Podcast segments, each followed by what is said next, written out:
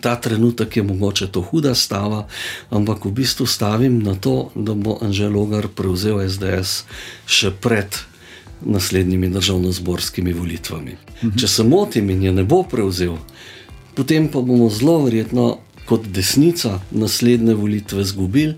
In samo v tem kontekstu sem enkrat rekel, pa so zelo skakali, da v tem primeru se mi zdi, da bi bilo najbolj pametno, da gre Nova Slovenija v levo vlado. Zakaj? Zaradi tega, ker je bistveno boljše, da je v vladi Nova Slovenija, kot da je v vladi Levica. To je za Slovenijo bistveno bolje. In verjemite mi, Saj sredina tudi Janša, si ne? tudi ne predstavlja več, da bi še kdaj vodil vlado Janša. Pa če je še tako zdaj nek tak papirnati tigar. Ne? On je kot eno ogromno drevo Janša, ki stoji tam, ampak v bistvu je načeto in nič narobe po 30 letih na čelu ene stranke, tako drevo več ne more obstati. Ne? In nekega dne, mogoče prej, kot si mislimo, se bo preprosto zrušilo mhm. in to bo kot v svetem pismu. In podrtija je bila velika. Ampak že naslednji dan bo okrog tega drevesa vse ozelenilo. Če ne bo se Janša dovolitev umaknil, lejte, to sem pa absolutno prepričan, bomo imeli še peto epizodo Žajfnice o novih obrazih. Dragi gledalci in poslušalci, lepo pozdravljeni v Reporter podkastu. E, moje ime je Igor Kršinar, sem novinar Reporterja. Z mano je pa danes eh, gost, eh, dr. Janez Pogorelec, ustavni pravnik in član vodstva izvršilnega odbora eh, Nove Slovenije.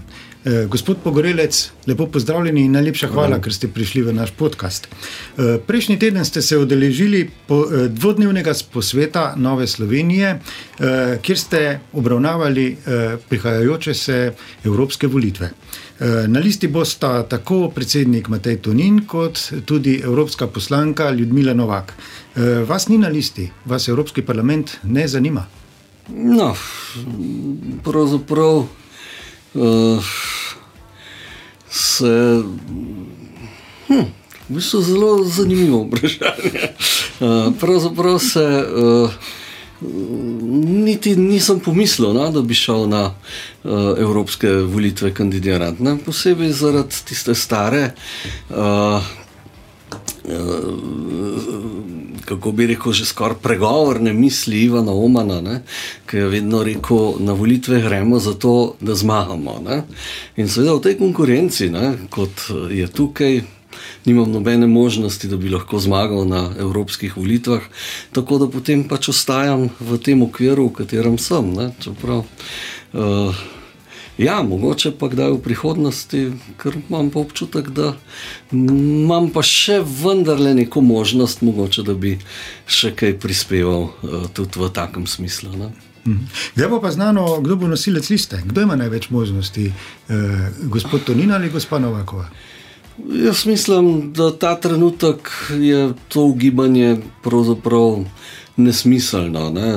Lahko samo rečem, da uh, osebno uh, se bi mi zdelo, mogoče celo malo škoda, če bi Matej Tunin uh, bil nosilc liste, zato ker tudi noben drug predsednik stranke ne bo nosilc liste. Uh -huh. uh, in uh, v bistvu na ta način, na nek način, postaviš celo stranko za talca, nekaj, kako bi rekel, mogoče niti ne tako zelo pomembne uh, volilne zgodbe, kot je recimo tista, ki bo naslednja prišla na vrsto, se pravi volitve v državni zbor. Ne? In tukaj je še druga stvar, da Matej Tunin ga bomo zelo rabili na državno-zborskih volitvah. Mm -hmm. če, bi bi izvoljen, ja. če bi bil zdaj izvoljen in ni mm -hmm. ne mogoče, da s preferenčnimi glasovi bo, vedeti pa moramo, da predsedniki strank ne rastejo ravno na drevesih, ne, bi to za stranko gotovo.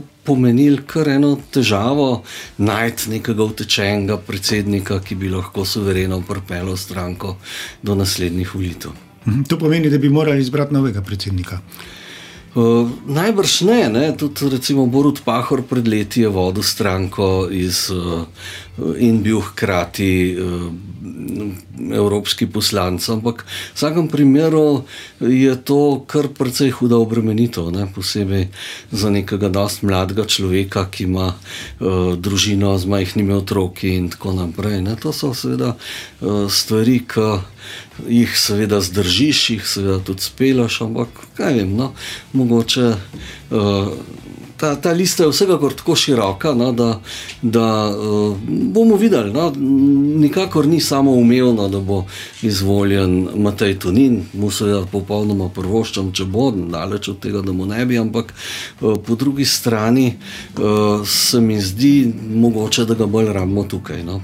Uh, predsednik Tonin je na listo povabil tudi Lojzeta Petrleta, ki je bil uh -huh. evropski poslanec Nove Slovenije kar 15 let. Uh, to, da on je v bistvu ponudbo zavrnil, uh, želi si skupno listo z SLS, vendar pa brez nikogar, brez kogarkoli iz vodstva uh, katerekoli od strank. Kar pomeni, da večina ljudi, ki ste jih zdaj izbrali na dvodnevnem posvetu, sploh ne bilo na listi, vključno z, z Toninom. Zanima me, kako to komentirate, kako gledate to na te njegove pomisleke. Ne vem, jaz včasih. Lojzeta Petrleta težko razumem. Pošten povedan, sem prav zaradi njega tudi že dvakrat v zadnjih 30 letih iz stranke izstopil in tudi potem nazaj prišel uh, vanjo, ker uh, nekaterih potez pač od njega ne razumem. Ne? In ta krščansko-demokratski ekumenizem, ki se ga ta trenutek gre Lojza Petrle.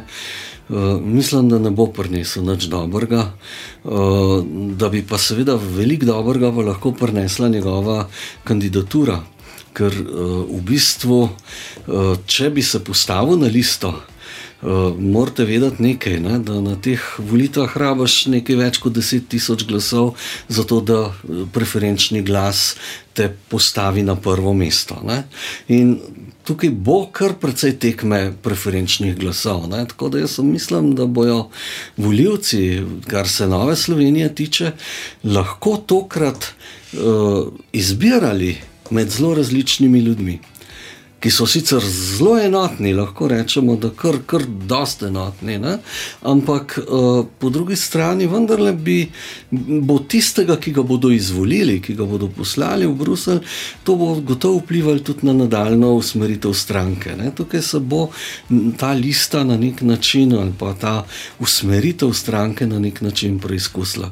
In mislim, da je to dobro, da bodo voljivci lahko povedali, kaj želijo eh, za stranko naprej. Se ne bojite, da bi recimo Lojze Petrle nastopil na list, evropski listi SLS? V zadnjem času se je zelo zbližal s to stranko. Ne?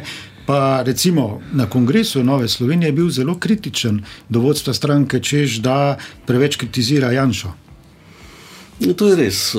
Res je pa tudi, da je predlagal, da bi se tajno glasovalo o dveh sklepih, o tem, da bi se umaknili od tega, da podpiramo uh, ustavne spremembe, in od tega, da bi se umaknili uh, od tega, kar smo rekli, da z Janšo več ne bomo šli, oziroma da ga ne bomo več podprli za predsednika vlade. Ne?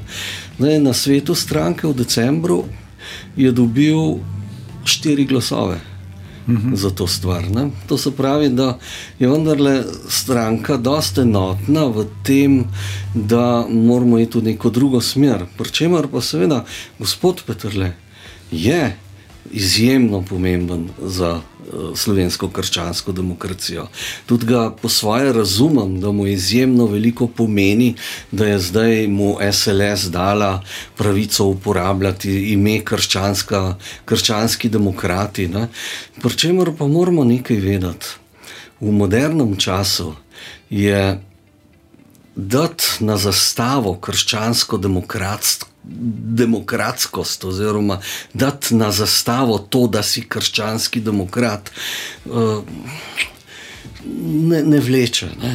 Ti ne moreš reči, da je te me voliti, ker sem krščanski. Ker, ne, ti moraš biti krščanski, ti moraš živeti krščanske vrednote, ne jih imeti na zastavi. Od tega nima nihče nič in zaradi tega tudi recimo, to, da je dobil to stvar, to bi mogoče pomenil 20-30 let nazaj nekaj. Ne? V današnjem času to v resnici ne pomeni veliko. Bolj pomeni, kako bomo mi znali te vrednote, neke normalnosti, nekega, neke svobode, ampak tiste ta prave svobode, z malim s, ne z velikim s, se pravi svobode, ki, ki pomeni svobodo govora, ki pomeni svobodo podjetništva, ki pomeni to, da ti ne bojo, ne vem, uh, diktirali, s čim se boš doma ogreval, s čim pa ne, ampak bo te stvari določal trg, bojo te stvari, seveda, v določeni meri uh, pač regulirane, seveda se moramo razogličiti, ampak razogličiti se moramo na en modern način, tako da ljudje zaradi tega ne bodo prišli v prevelike socialne uh, stiske, da ne bojo imeli prevelikih uh, težav pri tem. Jaz mislim, da recimo drva in plin so tukaj ta zadnja stvar. Ne? Ta prve stvari, ki jih moramo narediti, da se razogličimo, so pa seveda jedrska energija, nek dva, so seveda vrsta drugih ukrepov v prometu in tako naprej. In seveda tukaj najbrž je treba iskati eh, te. Te prave prioritete v tej normalnosti, v tem neki, neki želji po nekem razvoju, ki rabi neke razmeroma nizke davke, neko zaupanje v ljudi, da bodo eh, ljudje že vedeli, kaj je za njih prav, brez neke stalnega nadzora matere države, ki ti bo vse predpisvala, vse določala in ti za te usluge strašno visoke davke zaračunala. To, to bo tudi del vašega, bi rekel, evropskega programa. Ne? Absolutno, to, ja. to vse je to. Ja. Če ostaneva nekako eh, pri ljudski stranki, ne, me zanima, v bistvu, vi ste njim, vaša stranka jim je ponudila nekako tri mesta od devetih, pa so oni to zavrnili, oziroma oni so prišli potem kar s predlogom za svojega nosilca, to je Petra Gregorčiča nekdanjega predsednika programskega sveta eh, RTV Slovenija, ki je v bistvu zelo naklonjen uh, Janezu Janši. Ne. Gospod Gregorčič je tudi zelo kritičen do Nove Slovenije v, v svojih komentarjih. Pa me zanima, ali vi vidite to kot provokacijo? Je sploh še možno? To ni verjetno bila v samem začetku, že ni bila resna ponudba. Jaz vidim te stvari bolj kot način. Kako? Kako ne, ni bila resna ponudba z strani uh, eh, SLS-a, ker ti reče, da bomo imeli skupno listo, ampak glavni bo pa na njej uh, Gregorčič, za katerega se strinjam, je v bistvu SDS-ov, tako rekoč na začasnem delu v SLS-u. To, to ni človek, ki bi ga jaz kdajkoli spomnil, pa sem 30 let uh, v politiki kot človeka, ki bi ga lahko povezali z slovensko ljudsko stranko. Ne, ne on je pač prišel zato, da bi tukaj nam naredil uh, mogoče nekaj glasov, vzel in tako naprej. Ampak naši voljivci to razumejo, naši voljivci na to ne bodo padli. In tudi smo že enkrat imeli tako situacijo, ko je Janša ustanovil kar tri stranke. Ne. Ustanovil je dom, ustanovil je prsten in uh, ustanovil je. God, oziroma ta gibanje za otroke in družine. Ne? Takrat, ko je Ljudmila šla precej proti njemu, smo imeli v bistvu tri stranke, ki bi nas naj najedle na področju gospodarstva, na področju uh, družine uh, in na, na uh, področju neke. Uh, katera je že. Krščanski vrednot. Recimo, tako na področju krščanskih vrednot. Ja. No, in tukaj uh, je seveda potem dost. Uh, Kako bi rekel, takrat so vse tri ostale zunaj. Uh mhm. -huh. In tukaj se zdaj mogoče zgodba ponavlja. Z Anžetom Logarjem. Bomo videli, kako je z Anžetom Logarjem. Anže Logar je zelo zanimiva uh, zgodba, ne? ker. Uh, Kar se mene tiče, se mi zdi zelo vprašljivo, eh, če uh, je to res dogo dogovor med, med uh, Janšo in Anžetom Logarjem. In uh, mogoče celo, če je, ne, ali bo ta dogovor res zdržal, ne, mhm. ali bo ta dogovor mogoče dovolitev, uh, ker pač dinamika teh odnosov je lahko zelo različna in si zelo hitro lahko v situaciji, da bo uh, Anže mogoče. Videl največjo priložnost v tem, da pač prevzame SDS ne? za kar je čas, kar bi bilo najbolj normalno in kar bi bilo tudi najbolj prav. In če bi on že prevzel SDS, sem tudi pripričan, da naslednji trenutek med NSI in SDS nimamo več nobenih težav. Ne? In smo takoj v sodelovanju, takoj stvari peljemo naprej. Tudi, vendar, vendar, da vam povem, ja. nimam zelo velik ali pa sploh karkoli ja. proti Janši. Osebno ali na kakršen koli drug način. Težava, ki jo, ki jo imamo, je preprosto ta, da dokler imamo Janša na, na čelu SDS, mi ne moremo dobiti 20 odstotkov voljivcev, ki nam jih manjka, do tega, da bi lahko zmagali volitve. Mhm. Ti voljivci so danes med neopredeljenimi, so na zadnjih volitvah volili Goloba, so na predzadnjih volili Šarca, Cerarja in tako nazaj, vse do Drnovška. Ne? In brez teh voljivcev smo mi v vedno bolj frustrirani opoziciji in to, nas, to nam preprosto ne more ničesar prnesti. Medtem ko ena pomladitev na desni strani, na desni sredini, uh, da se Janša samo korak nazaj umakne, zaradi mene je komod lahko naprej strice za zadje ali karkoli. Ne? Ampak da damo naprej pa eno mlajšo garnituro, a to pa bi te sredinske voljivce skoraj zagotovo prepričalo in to bi pa lahko potem pomenilo zmago na naslednjih volitvah. No, kot je se, pa zelo težko. Ja, meni se zdi v bistvu to zelo malo verjetno, da bi lahko Anžel Logar. Premagal Janša v SDS. Več večja verjetnost se mi pa zdi, da bi lahko on ustanovil svojo stranko. Zdaj me pa zanima, v bistvu, kako gledate v bistvu na, ta, na to dogajanje v zadnjih tednih, ko Janša v bistvu dobesedno izganja eh, Logarja iz stranke. Eh, Pravite, Nihče pravzaprav ne ve, igra, ne? je to dogovorjena igra, ki naj pač zavede ljudi, da bojo uh, se konsolidirali po eni strani okrog Janša in ne šli preveč k logarju, na drugi strani pa volili logarja. Lahko je to del te igre. Lahko pa seveda je tudi zelo zanimivo to, da Logar pa pravi, da ne gre ven ne? Ja. iz SDS-a in da pač ne bo delo ja. druge stranke in da ga bo na neki točki mogoče celo ven vrgo. Ampak ha, kaj, kaj zdaj? Kaj, kaj bomo zdaj s tem, kdorkoli tukaj pridobili? Če pridobimo to, da bo vem, logar ven vržen iz SDS-a in bo rekel, zdaj pa volite mene, jaz sem pa zdaj ta sredina, ne, ki jo zdaj poskuša nagovoriti, uh, predvsem na SEI. Ampak bo kdo verjel tam le na, na sredini?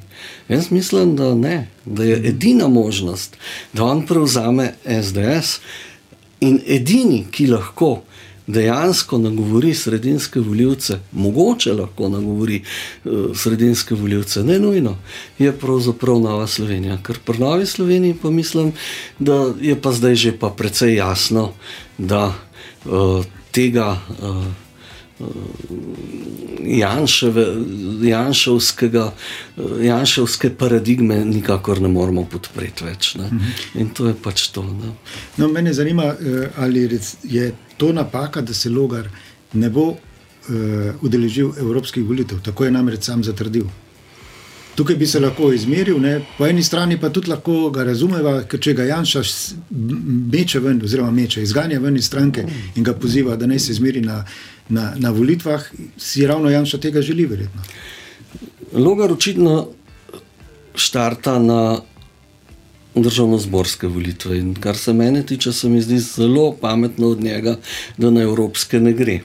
Mhm. Zaradi tega, ker on trenutno pač drži ta suspens. A ga bo držal suspens, lahko še leto pa pol, bomo videli, bo, bo kar dosti težko. Ne? Ampak v resnici tisti trenutek, ne, ko bi prišel z neko listo za evropske volitve, bi uh, pravzaprav pokazal, kateri ljudje so. Bi že se moral soočati z konkretnimi zgodbami. Ne? Slovenci pa, kot veva, ne, imajo najrajši uh, take ljudi, ki so mečkano stran, ki so mečkano oddaljeni, ki se niso umazali, neke nove ljudi. Ne? In on to, to novost ta trenutek gotovo še predstavlja. Ne? Tako da ne, jaz na njegovem mestu tudi ne bi ustanavljal stranke prej. Hkrati je pa po mojem prepričanju precej velika verjetnost, da bo do volitev uh, že prišlo do tega, da Janša več ne bo mogel zdržati. Jaz, ta trenutek je mogoče to huda stava, ampak v bistvu stavim na to, da bo Anžel Logar prevzel SDS še pred naslednjimi državno-zborskimi volitvami. No, ampak če ostaneva pri možnosti. Če jo bo, bomo tudi zmagali. Če se motim in je ne bo prevzel, potem pa bomo zelo verjetno kot desnica naslednje volitve izgubili. In samo v tem kontekstu sem enkrat rekel, pa so zelo skakali, da v tem primeru se mi zdi, da bi bilo najbolj pametno, da gre Nova Slovenija v levo vlado. Zakaj? Zaradi tega, ker je bistveno boljše, da je v vladi Nova Slovenija, kot da je v vladi Levica. To je za Slovenijo bistveno bolje in mm. mogoče nas bojo potem uh, zaradi tega, kakorkoli uh, pač zmerjali in nas proglašali za kocbekovce in ne vem kaj. Ampak meni je zelo žal, če smo mi kocbekovci, potem je Janša partija. Ja. Ja? Ja. No, ampak eh, bi jaz vsem nekaj vprašal. Ne, recimo, ne, eh, če Logar ustanovi stranko pred volitvami, vas recimo ne skrbi, da bi eh, lahko zaradi Logarja Nova Slovenija ostala zunaj parlamenta. Ker namreč Logarjeva stranka po anketah, ki ste jih naredili vi in ki so jih tudi naredili v SDS-u, eh, kaže, da bi pobrala eh, največ glasov eh, SDS-u in tudi Novi Sloveniji. Nekaj nam gotovo vzame. Ampak morate vedeti, da zdaj je taka dinamika v slovenski politiki, da danes napovedovati, kaj bo ob volitvah čez dve, tri leta, uh mhm. -huh. nihče ne ve. Lahko se do takrat SDS prelovi, prepolovi, lahko do takrat eh, svobode sploh več ne bo. Lahko se mi okrepimo, ker bojo ljudje pač videli, da pravzaprav nočijo ne ene, ne druge zgodbe, ne leve, ne janševe, da je mogoče edina alternativa neke spodobnosti, neke normalnosti, neke svobode, nekih, neke stranke, ki pač, ne bo, uh, ki pač ne bo ljudem delala nekih uh, velikih težav, ampak jih bo samo pustila, da živijo, delajo in bo zaupala, da znajo sami s svojim denarjem ravnati in tako naprej. To pravzaprav v tej državi je samo Nova Slovenija. In jaz kar mal bi šel staviti na to, da bomo v naslednjih treh letih o teh stvarih znali zelo dobro prepričati ljudi. Mhm. No, pa recimo tudi, kot sem že omenil, to Logarevo stranko. Eh, če pa vendarle pridete v parlament, SDS, eh, Nova Slovenija in Logar, Logar mhm. podpre Janša, mhm. kaj bo naredila Nova Slovenija? Kakšnim, mislim... Pravzaprav bo moral tukaj se vprašati Janša, kaj bo naredil Janša. Uh, ali bo zaradi svojih osebnih ambicij ustrajal na tem, da bo on predsednik vlade, ali pa te vlade ne bo, tako kot je ustrajal. Če se spomnite, 2012 v Bratuškovi, ne, ko bi lahko nadaljevala takrat koalicija s svojim delom, ko je KPK Janši očitala določene stvari in se je takrat Verant umaknil iz vlade, in vsi ti drugi, samo nas je v bistvu takrat ostala z Janšo, mimo grede. Uh, in seveda, čez tri leta bo morda res ta dilema za Janšo, ali se boš žrtvoval za Slovenijo in se umaknil za korak, in bomo imeli uh, pač desno vlado pod vodstvom kogarkoli, ali logarja, ali kašnega tretjega, ali tunina, ali pa, ne, če tega ne boš hotel narediti. Nam ne vlado. očitajte, če bomo mišli v levo vlado. Mm -hmm. tukaj, tukaj bo pravzaprav uh, na preizkušnji bolj kot mi, Janša. Mi smo svoje povedali, mi od tega, kar smo rekli, v resnici se ne moremo umakniti. Ne? Mm -hmm. ne bo šlo. Mm -hmm. um, zdaj, uh, odnosi med no, Novo Slovenijo in Gibanjem Svoboda se mi zdi, da so precej slabši, kot so bili morda na začetku mandata. Uh -huh. uh, bo po vaši oceni Golobova vlada zdržala do konca, ali bo v bistvu bolj zdrža, bolj zdržala koalicija brez Goloba?